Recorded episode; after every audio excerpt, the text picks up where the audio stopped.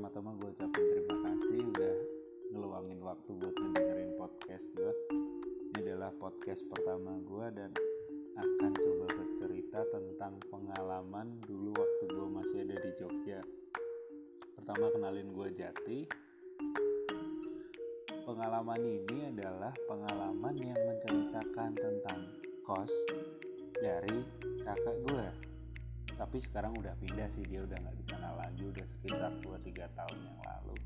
Dan kejadian ini adalah kejadian di sekitar tahun 2015 atau 2016 ketika itu gue juga masih kuliah. Oke kita mulai.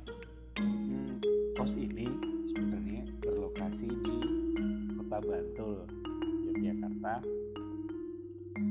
Dan ada di salah satu daerah yang bisa dibilang kayak perbukitan gitu.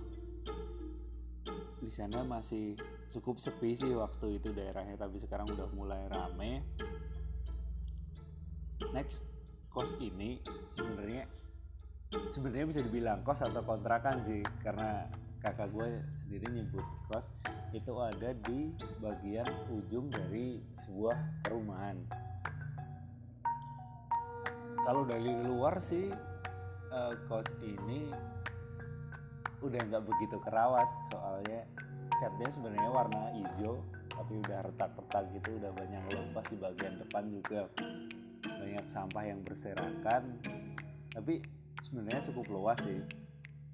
Gue sering tidur di sana dan ketika pertama gue masuk oh, udah nggak enak banget soalnya dia ada di pojokan hawanya juga nggak begitu enak karena banyak pohon uh, lembab gitu.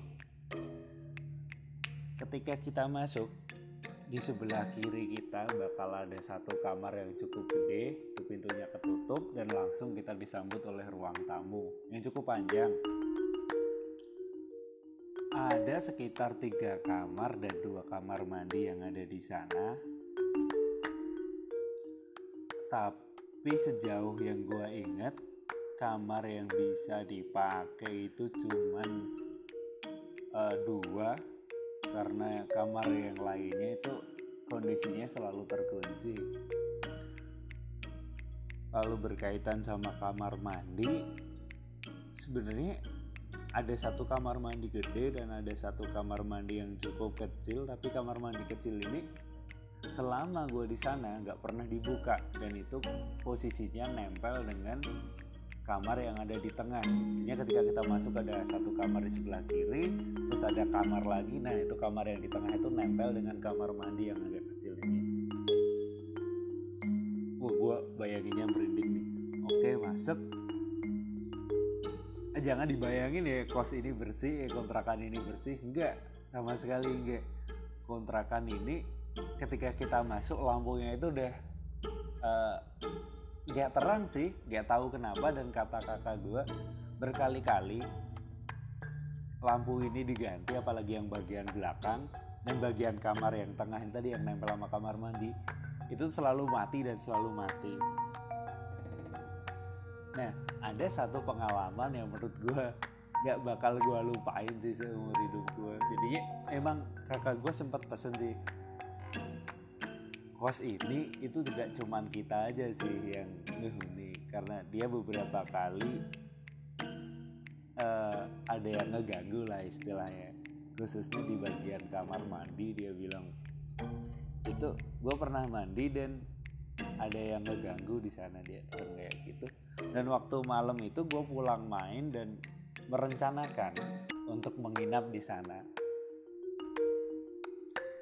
Ketika gue nginep di sana gue dikasih dua pilihan sama kakak gue lo mau tidur di kamar tengah bareng gue memang ada kasurnya sih. Apa lo mau tidur di kamar? Tapi kamarnya gelap lo nggak ada lampunya. Dan waktu itu gue mutusin untuk tidur di kamar. Karena apa? Gue sih nggak gue nggak masalah dengan kondisi lampu yang nggak nyala waktu itu dan gelap. Karena emang kebiasaan gue kalau tidur gue matiin lampu oke okay lah. Gue langsung memutuskan untuk tidur di kamar. Ketika gue masuk ke kamar itu, kondisi yang pertama gue lihat adalah kamarnya cukup luas nih. Di bagian ujung itu ada beberapa botol. Seingat gue ada tiga botol aqua yang ada isinya setengah. Terus ada kain pel yang ngelintang ngebatasin kayak ngasih garis tuh antara botol dan tempat kita tidur. Kasurnya kasur di bawah ya nempel sama lantai. Oke sekitar itu jam udah nunjukin sekitar pukul jam 11 atau jam 12 malam dan gue mutusin untuk coba tidur. Lu tahu gak ketika gue pertama tidur gue ngebelakangin botol dan itu file yang dibentangin kayak ngegaris itu gue ngebelakangin itu karena dalam hati gue udah nggak enak nih. Kalau gue ada ke sana nggak enak ya udah gue ngebelakangin itu aja dan berusaha untuk tidur. Ketika gue mau tidur rasanya di belakang gue kayak ada yang berdiri. Wah gue merinding nih. Jadinya ada yang berdiri di dekat botol itu ngawasin gue kayak wah ini ada orang baru nih. Dan oke okay lah gue berusaha untuk tidur. Gue tidur tapi ngerasa kayak nggak tidur dan dikit-dikit kebangun. Waktu itu emang gelap banget cuy. Bener-bener gelap. Terus sekitar ah, mungkin sekitar jam 12 lewat apa ya karena gue kebangun beberapa kali. Lu tahu itu botol bunyi-bunyi sendiri. Yakin? Jadinya suaranya kayak lu ngeremes botol itu. Coba bentar gue ambil botolnya itu botol di deket gue nah suaranya kayak begini nih.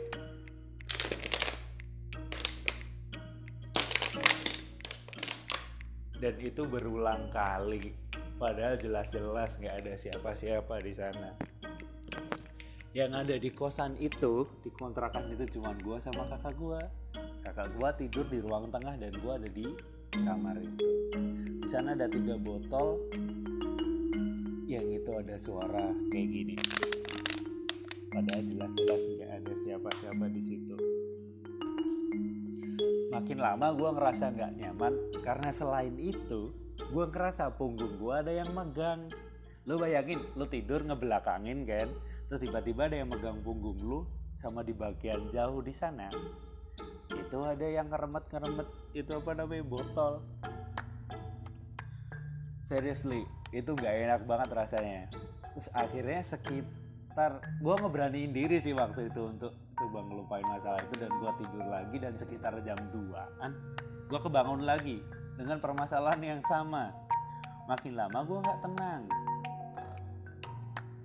Dan lu tahu akhirnya gue menyerah dan gue pindah ke kamar tengah nyusul kakak gue oke lah gue nyusul kakak gue gue ngebangunin.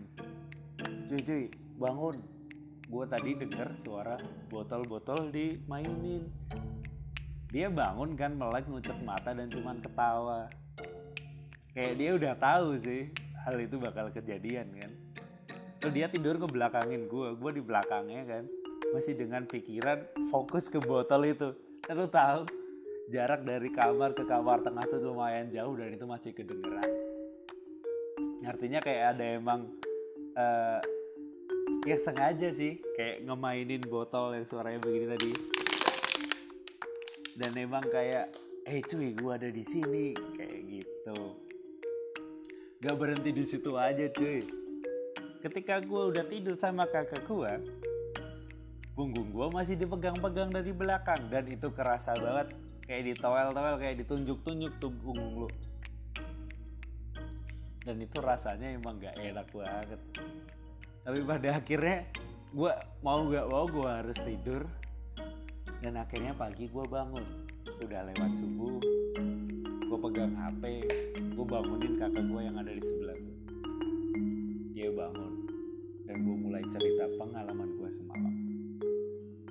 Gue cerita sama dia bilang gini lu tahu gak sih gue tadi malam tidur di sana itu di botol yang lo garis pakai lapel itu satu dari tiga botol itu bunyi-bunyi kayak ada yang mainin.